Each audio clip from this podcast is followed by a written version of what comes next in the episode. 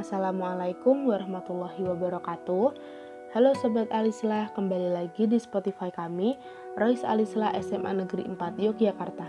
Tidak terasa, kita sudah menjalani setengah dari bulan Ramadan. Semoga Sobat Alislah selalu semangat beribadah ya. Podcast kali ini adalah episode 4. Podcast 1 menit edisi spesial Ramadan 1442 Hijriah bersama Royce Alislah. Sobat Alislah, apa itu salat id? Lalu bagaimana waktu dan tuntunan melaksanakan salat id? Nah, kali ini kami akan membahas tentang salat. Salat id menurut mayoritas ulama-ulama Hanafiyah, Malikiyah, dan Hambali.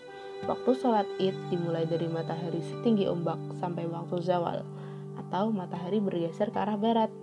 Ibnu Qayyim rahimahullah mengatakan, Nabi Shallallahu alaihi wasallam mengakhirkan salat Idul Fitri dan mempercepat pelaksanaan salat Idul Adha.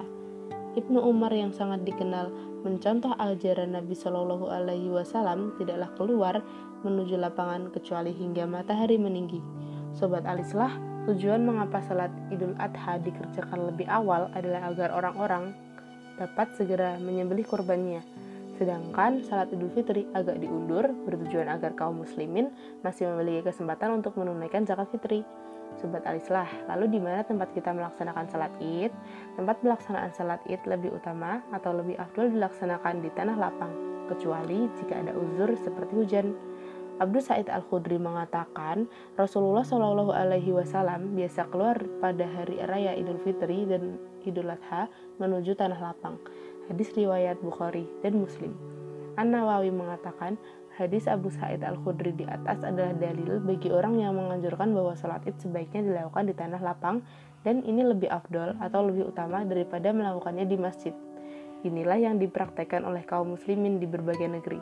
Adapun penduduk Makkah, maka sejak masa silam salat id mereka selalu dilakukan di Masjidil Haram. Lalu sobat al tahu tidak apa saja tuntunan ketika hendak melaksanakan salat id? Tuntunan ketika hendak keluar melaksanakan salat id yang pertama adalah disunahkan untuk mandi sebelum berangkat salat. Tuntunan yang kedua yaitu berhias diri dan memakai pakaian yang terbaik. Berhias diri di sini kecuali bagi wanita, tetap menutup aurat dan tidak boleh memakai harum-haruman yang mencolok di luar rumah. Tuntunan yang ketiga adalah makan sebelum keluar menuju salat id khusus untuk salat idul fitri. Dari Abdullah bin Buraidah dari ayahnya, ia berkata, Rasulullah Shallallahu Alaihi Wasallam biasa berangkat salat id pada hari Idul Fitri dan beliau makan terlebih dahulu. Sedangkan pada hari Idul Adha beliau tidak makan lebih dulu kecuali setelah pulang dari salat id baru beliau menyantap hasil korbannya. Hadis riwayat Ahmad. Tuntunan keempat yaitu bertakbir ketika keluar hendak salat id. Dalam suatu riwayat disebutkan, Nabi Shallallahu Alaihi Wasallam biasa keluar hendak salat hari raya Idul Fitri, lantas beliau bertakbir sampai di lapangan dan sampai salat tidak dilaksanakan. Ketika salat tidak dilaksanakan, beliau berhenti dari bertakbir. Sobat Alislah, segitu dulu ya dari kami. Semoga bermanfaat.